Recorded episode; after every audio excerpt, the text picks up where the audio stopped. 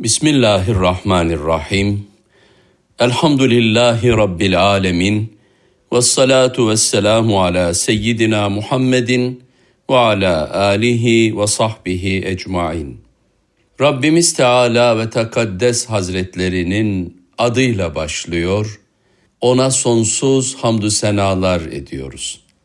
Sevgili Peygamberimize, aline ve ashabına binlerce salat, güllerce selam gönderiyoruz.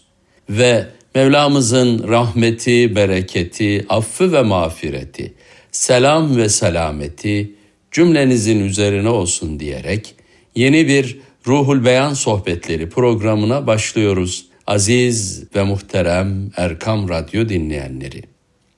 Bugün sizlere Araf suresinin 189 ila 198. ayetlerinin tefsirini merhum İsmail Hakkı Bursevi Hazretlerinin yazıp bizlere bir güzel hatıra bıraktığı Ruhul Beyan tefsirinden işlemeye gayret edeceğiz. Her zaman olduğu gibi bugün de önce bu ayet-i kerimelerin tilavetini sizlere aktaracak, ardından sohbetimize inşallah bahsini ettiğimiz ayetlerle başlayacağız. Şimdi söz, sözlerin en güzeli Rabbimiz Teala Hazretlerinin ayet-i kerimelerinde. Araf suresi 189 ila 198. ayetler. Euzu billahi mineşşeytanirracim. بسم الله الرحمن الرحيم هو الذي خلقكم من نفس واحدة وجعل منها زوجها ليسكن اليها فلما توشاها حملت حملا خفيفا فمرت به فلما أثقلت دعوا الله ربهما لئن آتيتنا صالحا لنكونن من الشاكرين. فلما آتاهما صالحا جعلا له شركاء فيما آتاهما فتعالى الله عما يشركون أيشركون ما لا يخلق شيئا وهم يخلقون ولا يستطيعون لهم نصرا ولا أنفسهم ينصرون. وإن تدعوهم إلى الهدى لا يتبعوكم. سواء عليكم أدعوتموهم أم أنتم صامتون ان الذين تدعون من دون الله عباد امثالكم فادعوهم فليستجيبوا لكم ان كنتم صادقين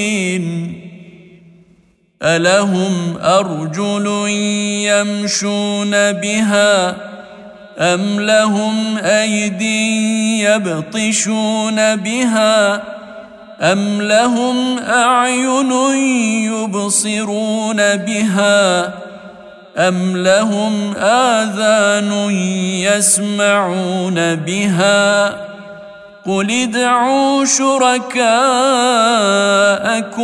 ثم كيدون فلا تنظرون إن وليي الله الذي نزل الكتاب وهو يتولى الصالحين والذين تدعون من دونه لا يستطيعون نصركم ولا أنفسهم ينصرون وان تدعوهم إلى الهدى لا يسمعوا وتراهم ينظرون اليك وهم لا يبصرون صدق الله العظيم Kıymetli dinleyenlerim, okunan ve sizler tarafından dinlenen bu ayeti kerimeleri Yüce Rabbimiz Teala'nın ahseni kabul ile bizlerden makbul kılmasını niyaz ediyoruz. Hasıl olan sevabı başta sevgili Peygamberimiz aleyhissalatu vesselam Efendimiz olmak üzere bir cümle peygamberan izamın ervahına, al ve ezvacı tahiratının ruhlarına, ashab-ı güzin efendilerimizin Bedir'de ve Uhud'da şehit olan şühedai İslam'ın öncüleriyle birlikte bütün şehitlerimizin ve azalarını kaybederek bu dünyadan ahirete göçen gazilerimizin ruhlarına, müfessirin, muhaddisin, fukahayı İslam, kibar evliya ve sadat-ı kiram hazaratının ruhlarına, sizlerin ahiret yurduna göçen bütün ölmüşlerinizin ervahına ve bütün mümin ve müminatın canlarını Allah yolunda veren bil cümle şühedai İslam ile birlikte hasseten son zamanlarda Filistin'de masum bebekler genç kardeşlerimiz, yetişkinler ve yaşlılar olmak üzere hak yolunda can veren bütün şehitlerimizin ve bütün mümin ve müminatın ruhlarına hediye eyliyoruz. Rabbimiz Teala kabul buyursun, ruhlarına vasıl eylesin. Amin ya Rabbel Alemin. Kıymetli dinleyenlerim, Araf suresinin 189. ayet-i kerimesiyle sohbetimize başlıyoruz. Rabbimiz Teala şöyle buyuruyor. Bismillahirrahmanirrahim. Sizi bir tek candan yani Adem'den yaratan, ondan da yanında huzur bulsun diye eşini Havva'yı yaratan odur. Eşi ile birleşince eşi hafif bir yük yüklendi, yani hamile kaldı. Onu bir müddet taşıdı. Hamileliği ağırlaşınca Rableri Allah'a andolsun bize kusursuz bir çocuk verirsen muhakkak şükredenlerden olacağız diye dua ettiler. Kıymetli dinleyenlerim, Araf suresinin 189. ayet-i kerimesinin tefsirine müfessirimiz Bursevi Hazretleri şu sözlerle başlıyor sizin hepinizi bir tek candan yani yalnız Adem'den hiçbir yönden başkasının müdahalesi olmaksızın yaratan Allah Teala'dır.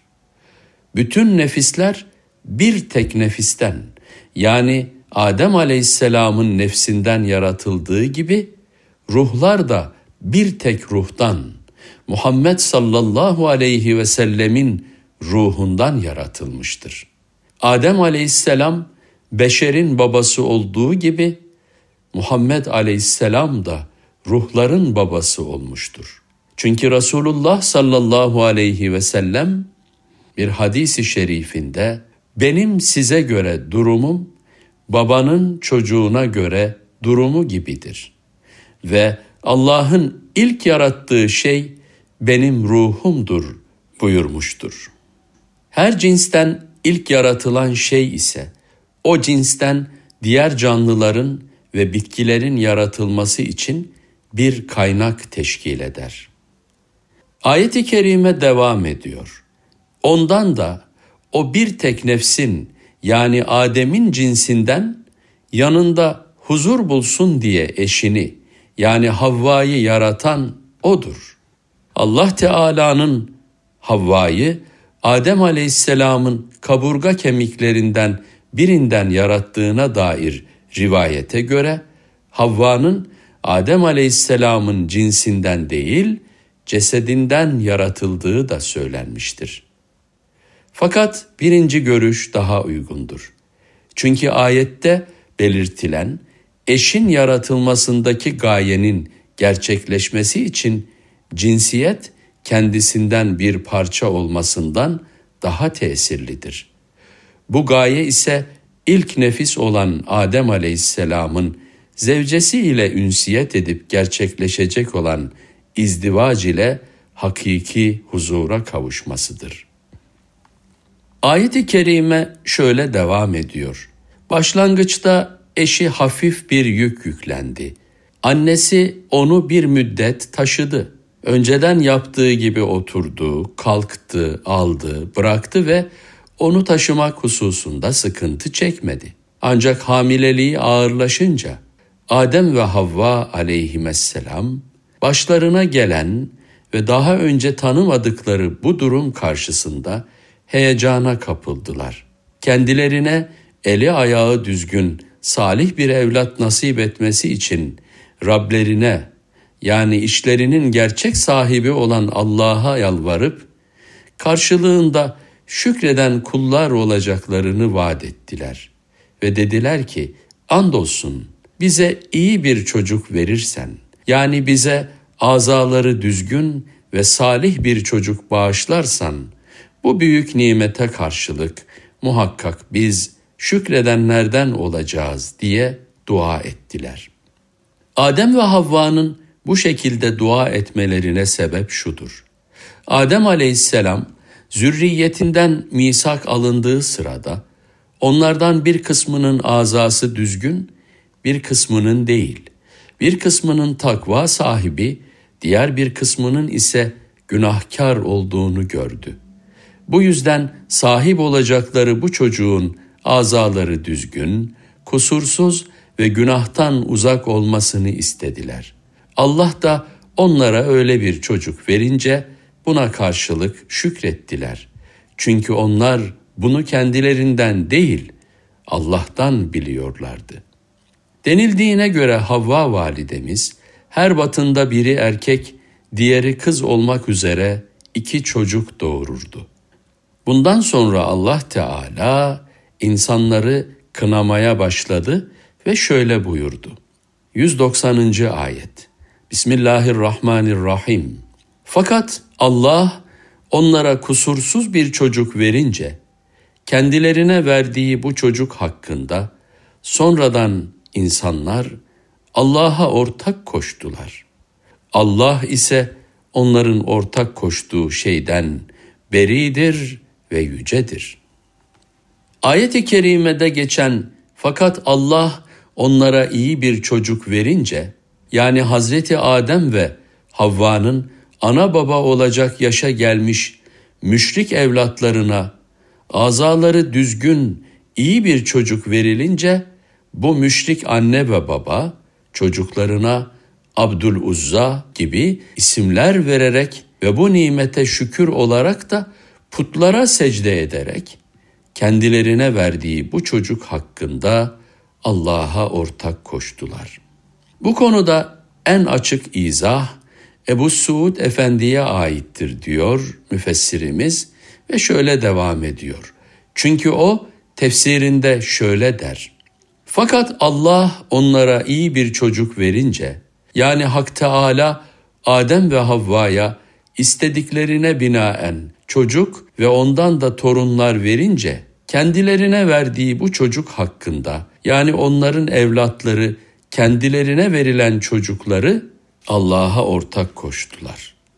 Ayet-i kerime devam ediyor. Fakat Allah onların ortak koştukları şeylerden yani çocuklarına putlarının kulu diye isim vererek şirk koşmalarından yücedir, beridir, paktır.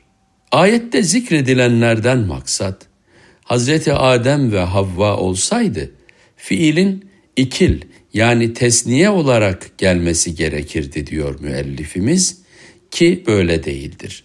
Hazreti Adem ve Havva değildir şirk koşan, onların neslinden olan müşriklerdir demek istiyor müellifimiz. Ve ardından gelen Araf suresinin 191. ayeti konuya şöyle devam ediyor. Rabbimiz Teala buyuruyor ki, Bismillahirrahmanirrahim. Kendileri yani putlar yaratıldığı halde hiçbir şeyi yaratamayan, yani hiçbir şeyi yaratmaya asla güç yetiremeyen varlıkları Allah Teala'ya ortak mı koşuyorlar? Hakiki mabudun özelliklerinden biri de kullarının yaratanı olmasıdır. Ayette putlar için akıllılara ait zamirlerin kullanılması, kafirlerin putlar hakkında akıllılar hakkında düşündükleri şeyi düşünmelerinden ileri gelmektedir. Zira onlar putları insan şeklinde yaparlardı. Putlarının yaratıcı olmadıkları belirtildikten sonra bir de yaratılmışlıkla nitelenmeleri, haklarında müşriklerin düşündüklerinin tam aksine bir takım vasıflara sahip olduklarını açıklamak içindir. Ve 192. ayet Bismillahirrahmanirrahim Halbuki putlar ne onlara bir yardım edebilirler ne de kendilerine bir yardımları olur. Ayette halbuki putlar kendilerine tapanların başına zor bir durum gelince ne onlara bir yardım edebilirler yani onlara hiçbir yardımda bulunamazlar. Onlara ne bir fayda sağlayabilirler ne de onlardan bir zararı giderebilirler. Ne de kendilerine bir yardımları olur. Bizzat kendilerine de bir yardımları dokunmaz, başlarına gelen hadiseleri defetmeye güç yetiremezler. Nitekim kendilerini kırmak isteyen veya üzerlerine pislik atmaya yeltenen kimselere bu putlar asla mani olamazlar. Haddadi der ki, müşrikler putların ağızlarına güzel koku ve bal sürerlerdi. Sinekler de onların üzerine toplanırdı da putlar onları kovmaya muktedir olamazdı. Kıymetli dinleyenlerim, geldik 193. ayeti kerimeye. Bismillahirrahmanirrahim. Onları doğru yola çağırırsanız size uymazlar. Onları çağırsanız da sükut etseniz de sizin için birdir. Ey müşrikler!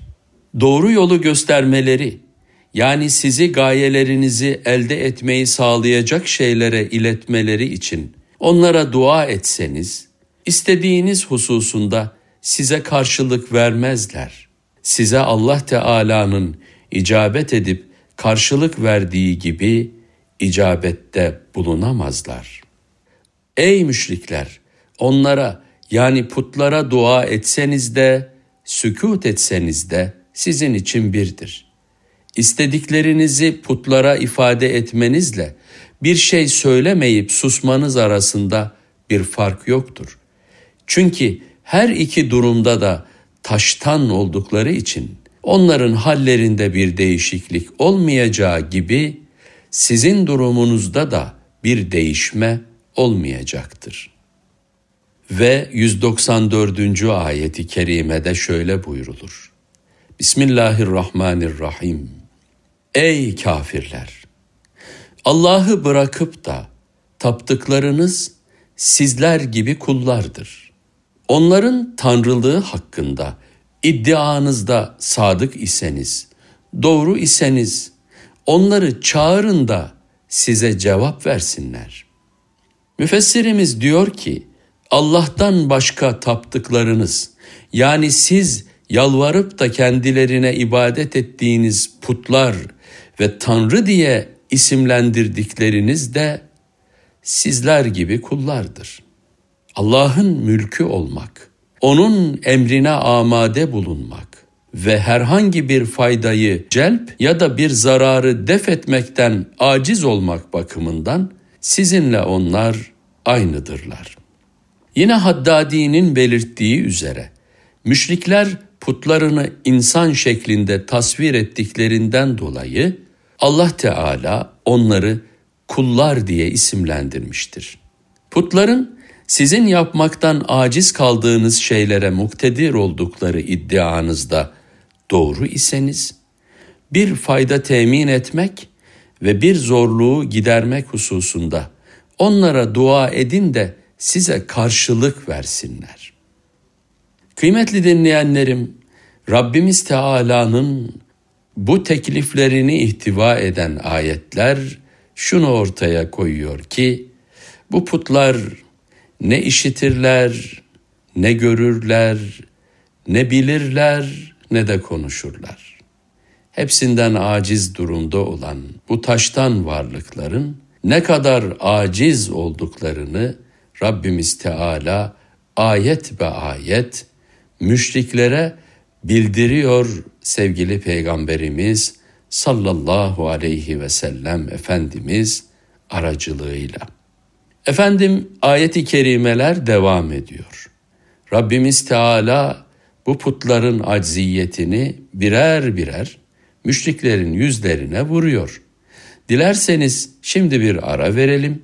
Programımızın ikinci bölümünde Araf suresinin 195. ayet-i kerimesiyle sohbetimize devam edelim. Ama önce İsmail Hakkı Bursevi Hazretlerinin şiirlerinden birini size bir ilahi olarak dinletelim inşallah. Ardından sohbetimize kaldığımız yerden devam edelim efendim. Bunca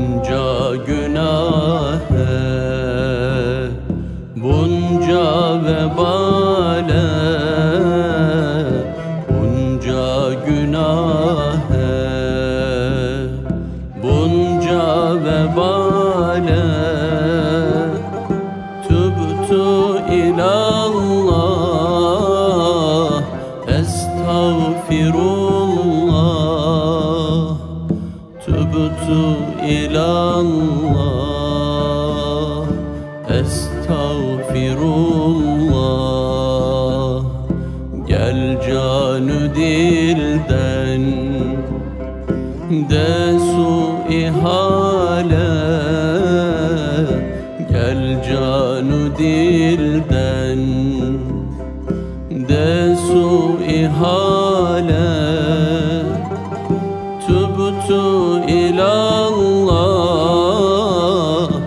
estağfirullah. Tübtü ilallah estağfirullah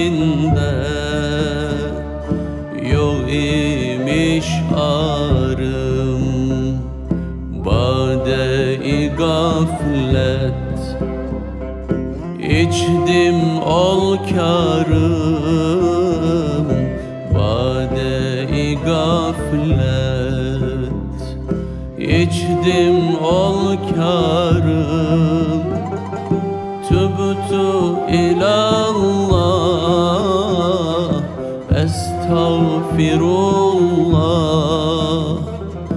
Tübtü ilallah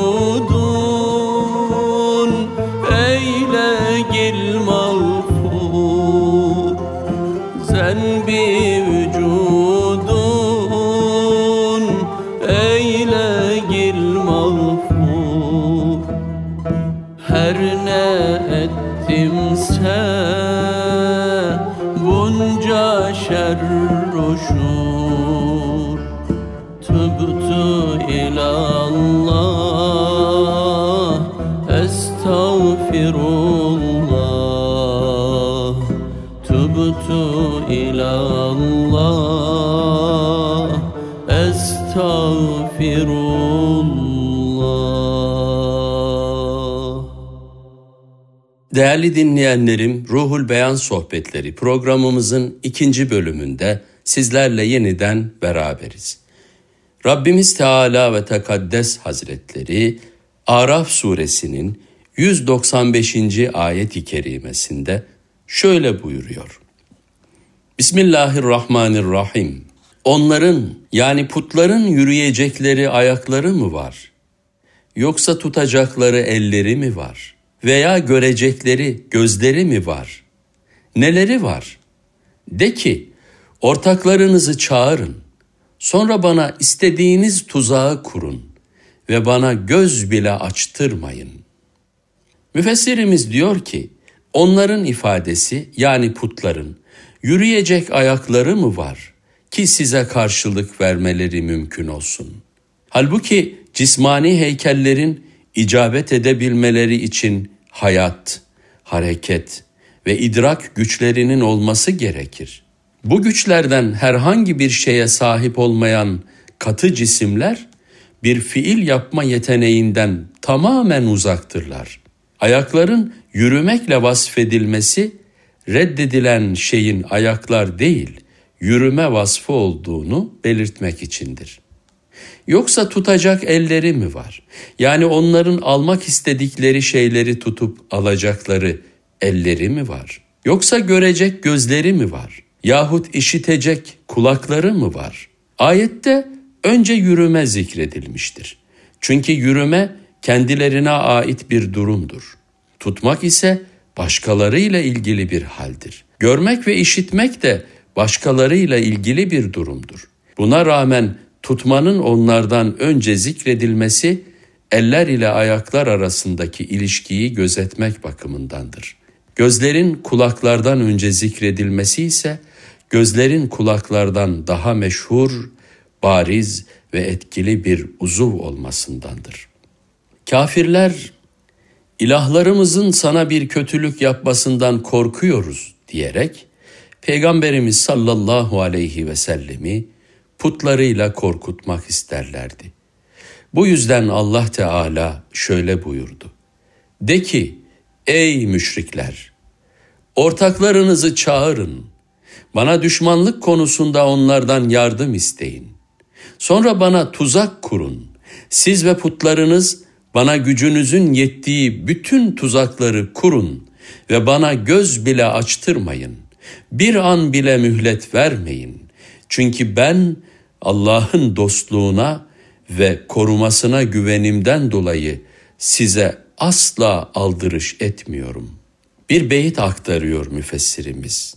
Eğer iki cihanda bana düşmanlık etseler, korkum yoktur, koruyucum sen oldukça.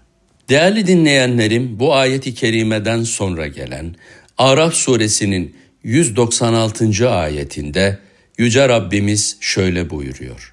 Bismillahirrahmanirrahim. Şüphesiz ki benim koruyanım, kitabı indiren Allah'tır ve O bütün salih kullarını görüp gözetir. Şüphesiz benim velim, kitabı indiren Allah'tır. Bu ayet önceki ayetin üslubundan açıkça anlaşıldığı üzere müşriklere ve onların putlarına aldırış etmemenin sebebini ortaya koymaktadır. Veli burada yardımcı ve koruyucu manasınadır. Ayetin manası şöyledir. Bana yardım edip beni korumayı üzerine alan, Kur'an'ı bana indirerek ve vahyederek ikramda bulunan Allah'tır. Kitabın vahyedilmesi ise kesinlikle peygamber olmayı gerektirir. Ve sözlerine devam etmesi isteniyor sevgili peygamberimizden. Onun şöyle demesi isteniyor. O yani Allah salih kullarını görüp gözetir. Yani Allah'ın adetlerinden biri de peygamberlerinden başka salih kullarına da yardım etmek, korumak ve onları asla yardımsız bırakmamaktır. Değerli dinleyenlerim, bu ifadelerden sonra Rabbimiz Teala Araf suresinin 197. ayet-i kerimesinde bize ifade buyurduğu hususlara şöyle devam ediyor. Bismillahirrahmanirrahim. Allah'ın dışında taptıklarınızın ne size yardıma güçleri yeter ne de kendilerine yardım edebilirler. Denilmek isteniyor ki ey puta tapanlar onun dışında yani Allah Teala'yı bırakarak taptıklarınızın hiçbir konuda ne size yardıma güçleri yeter ne de başlarına bir sıkıntı geldiğinde kendilerine yardım edebilirler. Bu ayetin muhtevası daha önce puta tapanları kınamak için zikredilmişti. Burada ise putlara ve onlara kulluk edenlere aldırış etmemenin sebeplerini tamamlamak üzere zikredilmiştir. Bu sebeple herhangi bir tekrar söz konusu değildir. Ve yine Rabbimiz Teala şöyle devam ediyor 198. son ayeti kerimemizde. Bismillahirrahmanirrahim. Onları doğru yola çağırmış olsanız işitmezler ve onları sana bakar görürsün. Oysa onlar görmezler. Ayet-i kerimeye şöyle başlıyor müfessirimiz. Doğru yolu göstermeleri yani tuzak kurmak ve diğer hususlarda maksatlarınıza erişmek için onlara yani putlara dua etseniz yardım etmek bir tarafa duanızı bile işitmezler. Müfessirimiz diyor ki yaratılmış olmalarına rağmen peygamberlerin ve velilerin ruhaniyetlerine yönelmek bunun aksinedir. Çünkü onlardan istimdat, yardım talebinde bulunmak, onlarla tevessül yani onları vesile kılarak Allah'tan dilekte bulunmak ve onlara intisap etmek, onların hakkın mazharları, nurlarının tecelligahları, kemalatının aynaları, zahir ve batın bütün hususlarda Allah Teala'nın huzurunda şefaatçi olmalarından dolayıdır. Bunun böyle olmasında pek çok hikmetler vardır. Bu asla şirk değildir. Bilakis tevhidin ta kendisidir. Nurları bizzat doğdukları yerlerden algılamak ve sırları yazılı oldukları kendi sayfalarından keşfetmektir. Sahip der ki, öldü diye gönül ehlinin yardımından ümidini kesme. Gönül ehlinin uykusu yani ölümü aynen uyanıklık gibidir. Ayet-i kerime şöyle devam ediyor. Onları sana bakar görürsün. Buradaki görme baş gözüyle görmedir. Hitap müşriklerin her birinedir. Yani ey gören kimse, Gözünle bakınca putların sana doğru bakan kimselere benzediğini görürsün. Müşrikler nitekim putlarına parlak ve ışık saçan cevherlerden gözler taktıkları ve onları baktığı şeye doğru göz bebeğini çeviren kişi gibi şekillendirdikleri için onların seni gördüğü hayaline kapılırsın. Oysa onlar görmezler.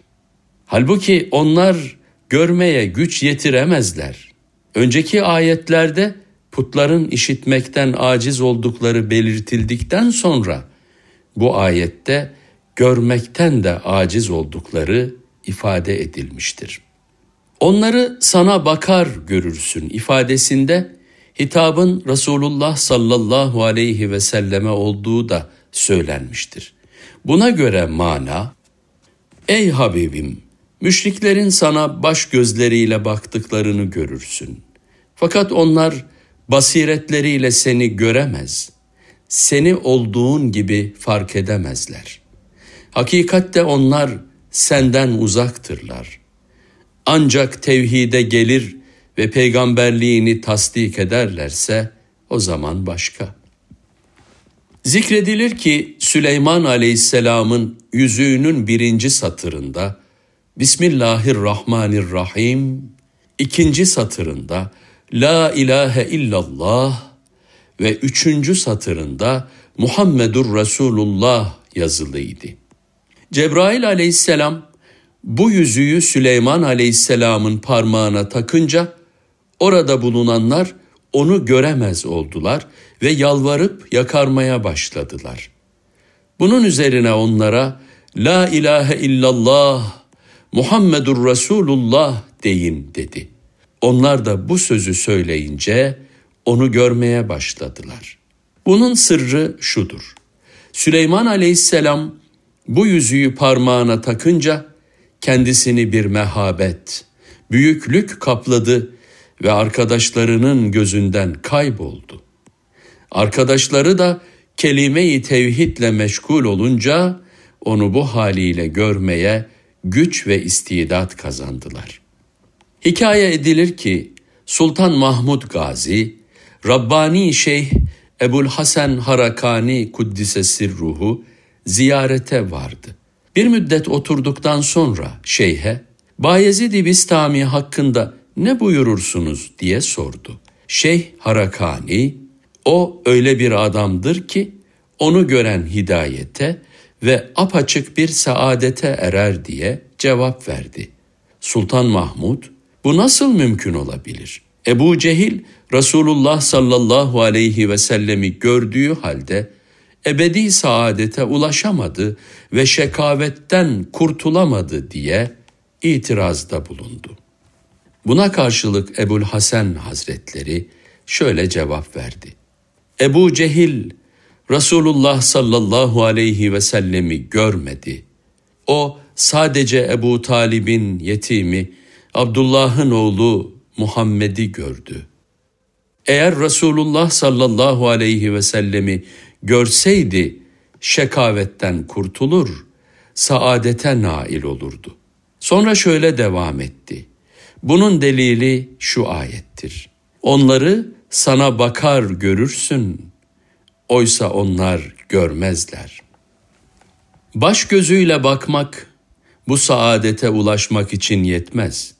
Bilakis bunun için sır ve kalp gözüyle bakmak gerekir. İşte Bayezid'i kim bu gözle görürse saadete erer dedi. Bir beyit aktarıyor bize Bursevi Hazretleri.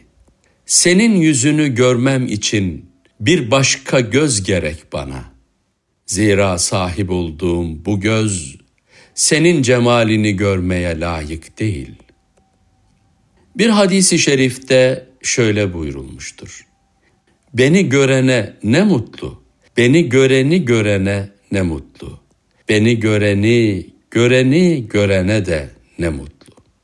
Bu hadisi şerifi İmam Ahmet bin Hanbel Müsned adlı eserinde zikrediyor aziz dinleyenlerim. Bu hadisin Kaşifi'nin Er Risaletül Aliye adlı eserinde geçtiği de müfessirimiz tarafından bildirilmektedir. Mesnevi diyor ki, Mustafa sallallahu aleyhi ve sellem dedi, ne mutlu benim yüzümü gören kişiyi görene. Bir mumdan yanmış olan çerağı gören, o mumu görmüştür. Bunun gibi o mumdan yakılan yüzüncü muma kadar hep o ilk mumun nuru intikal etse, sonuncu mumu görmek, hepsinin aslı olan ilk mumu görmektir. O nuru ister son çerağdan al, ister ilk çerağdan. Hiç farkı yoktur. Müfessirimiz diyor ki, buradan anlaşılmaktadır ki, evliyayı da ancak basiret gözüyle görmek fayda verir.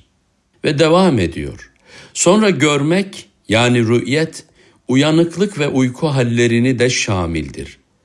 Bazı alimler Resulullah sallallahu aleyhi ve sellemin beni gören gerçekten görmüştür hadisini beni mutlak olarak yani ister uyanıkken ister uykuda gören muhakkak hak Resulü gerçek peygamberi görmüştür şeklinde izah etmişlerdir.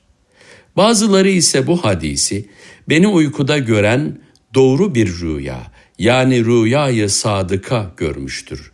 Şeytanın oyuncağı olan rüya değil diye yorumlamışlardır. Şeyhi Ekmel El-Meşarik şerhinde şöyle demiştir. Gerçek rüya bu işle görevlendirilen meleğin gösterdiği rüyadır. Çünkü Allah Teala rüya için hikmetli şeyler söyleyen ve darb meseller getiren bir melek görevlendirmiştir. Allah Teala bu meleği levh-i mahfuzdaki Adem oğullarının hikayelerine muttali kılmıştır. O oradan bu kıssaları alır ve her bir kıssaya uygun bir misal bulur. Kişi uyuduğu zaman uygun bulduğu şeyleri hikmetli bir tarzda ya bir müjde veya bir korku yahut da bir ayıplama şeklinde o kişiye gösterir. Böylece bu gibi kimselerin bütün işlerinde daha dikkatli ve temkinli olmaları sağlanmış olur. Bilesin ki hak ile batılın birbirine karışmaması için bütün peygamberler uyku ve uyanıklık halinde şeytanın kendi suretlerine girmesinden korunmuşlardır. Müfessirimiz burada kendisinden söz ediyor ve fakir Bursevi der ki, ilim ve irfanıyla asrında tek olan şeyhimden işittiğime göre, şeytan her asrın kutbi vücudu gibi evliya-i kiramın kamillerinin suretine de giremez. Çünkü o hidayetin tam olarak mazharıdır.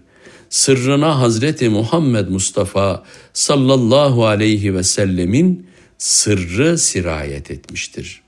Akıllıya gereken boş sözleri terk etmek, sözle ve halle itirazı bırakmak, büyüklerin ulaştığı mertebelere ulaşıp izzet ve yücelik sahasından uzak düşmüş şeytanın tuzağından kurtulana kadar Allah'ın emirlerine tam bir teslimiyet göstermektir.